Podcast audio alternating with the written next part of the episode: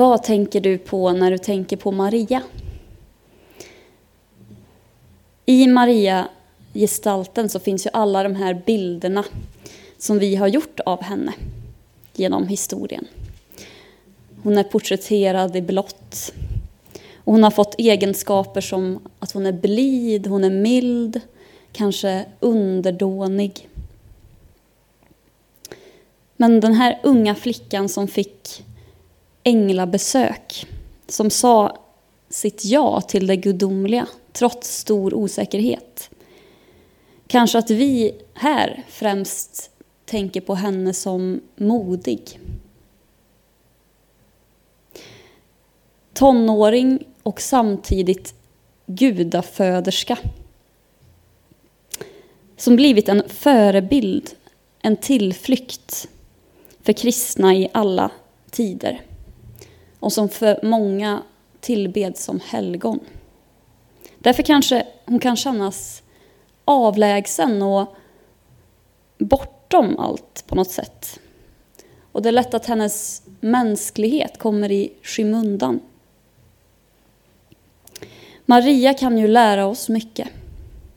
Inte minst hennes attityd inför det heliga. Inför Gud.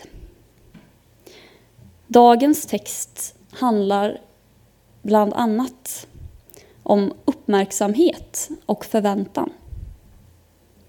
Två ord som speglar en livshållning som innebär att vara öppen för det oväntade och oförutsägbara.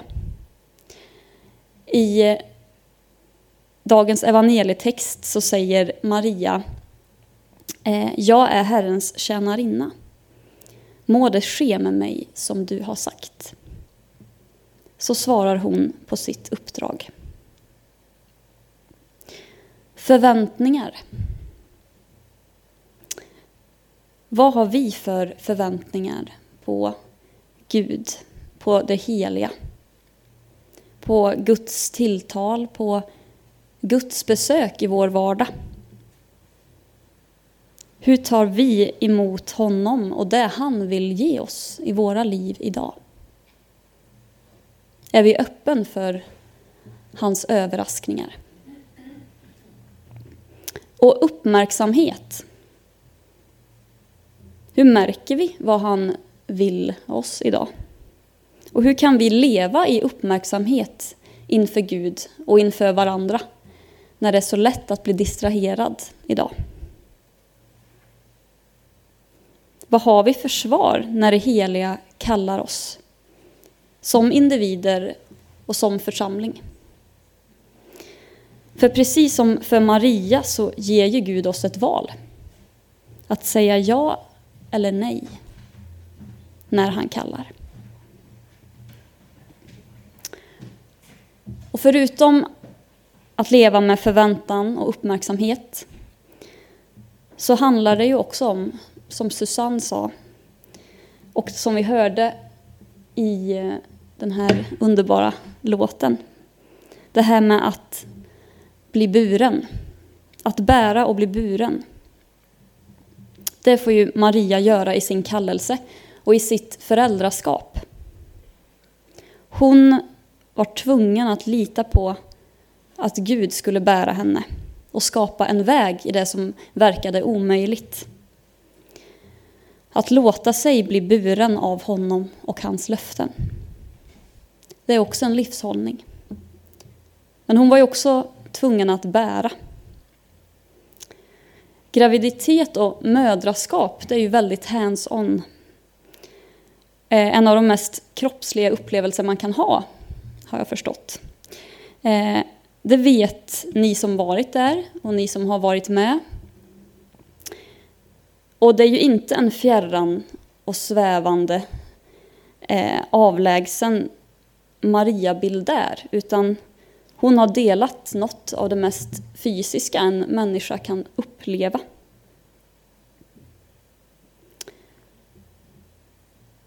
Att vara en tonårsmamma. Att vara en förälder. Vad innebär det? Att bära ett barn. Att få se det här nyfödda barnet, känna doften av det. Att få se ett barn växa upp, att vara med och försöka ge barnet det bästa man kan. Ansvar och längtan, vardag och glädje och vånda och kamp. Jubel, hopp och oro för det som är och för framtiden. Hur var det för Maria att bära ett barn inom sig som hon sen fick leva så nära och sen när han började vandra runt inte verkade behöva henne längre? Som sa att hans familj var de som följde honom. Och som hon till sist fick se dö framför sina egna ögon. Det värsta en människa kan uppleva. Så här skriver prästen Charlotte Fryklund om att förlora ett barn. Jag läste den här artikeln i veckan i tidningen Dagen om hur det är att hur hon upplevde Gud i sorgen. Jag tror att man kan lära sig av livets förluster. För det är då man verkligen behöver Gud. När det verkligen gör ont, när allting faller, då spelar teologiska studier och teoretiska svar ingen roll. Då vill man ha en Gud som håller. För mig blev det jättetydligt. Jag ville verkligen sluta tro på Gud när Anskar dog. Jag ville inte att Gud skulle vara en sån Gud. Men att tro på Gud är inte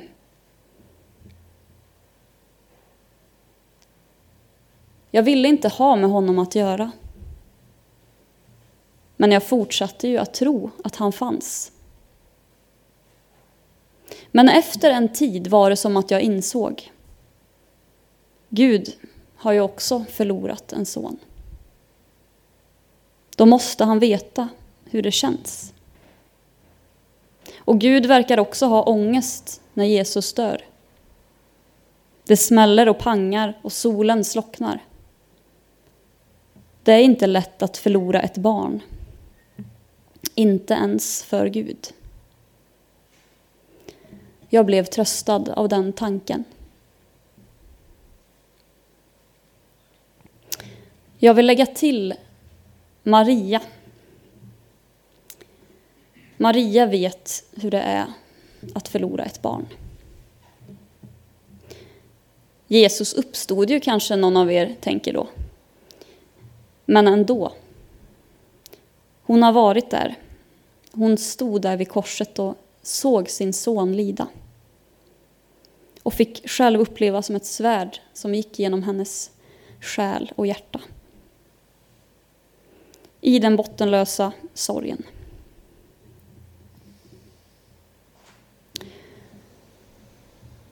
Men jag har förstått att som förälder så kan man känna sig överflödig för sitt barn.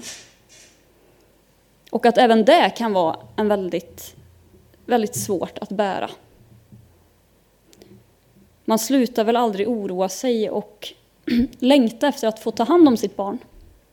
Samtidigt som man är glad när de är självständiga och välfungerande.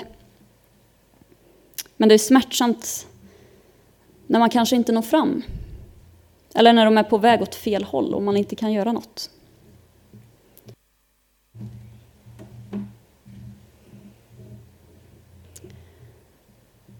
Att få känna sig buren, men också att få bära. Det behöver vi alla få erfara ibland.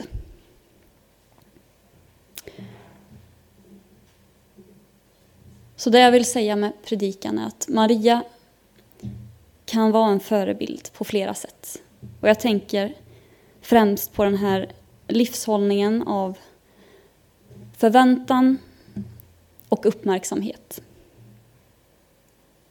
Och kan vi ha en attityd av uppmärksamhet mot varandra och mot Gud inför det heliga och en förväntan i vår vardag.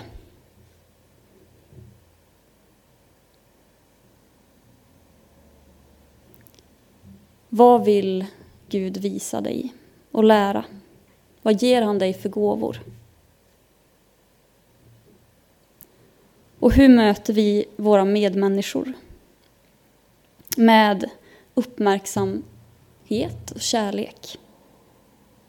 Och förväntar jag mig att ett möte ska uppstå när jag springer på andra? Eller tar jag för givet hur de är? Sen kan Maria också vara en förebild när det kommer till att bära och bli buren. Som sagt är det något som vi får uppleva i olika perioder i livet och det finns många orsaker till det. Men ofta är det, kan det kännas bättre att vara den som bär. Den som kan hjälpa. Det säger ju till och med Maria i klippet här att som mamma så känns det jobbigt att inte vara behövd längre.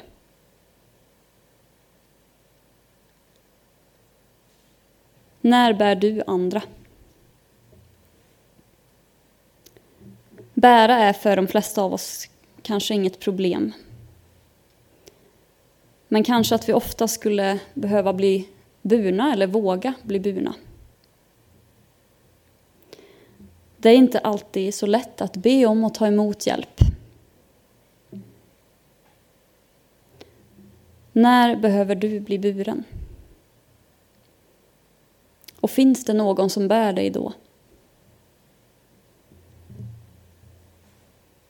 Och hur är det?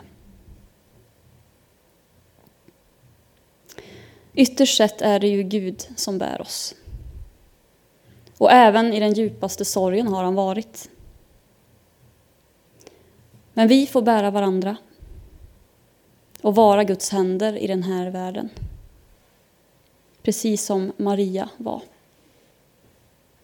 Vi får hjälpa till att bära där han vill. Men glöm inte att allt börjar med att bli buren. Amen. Jag ska läsa en dikt av Caroline Krok om Maria.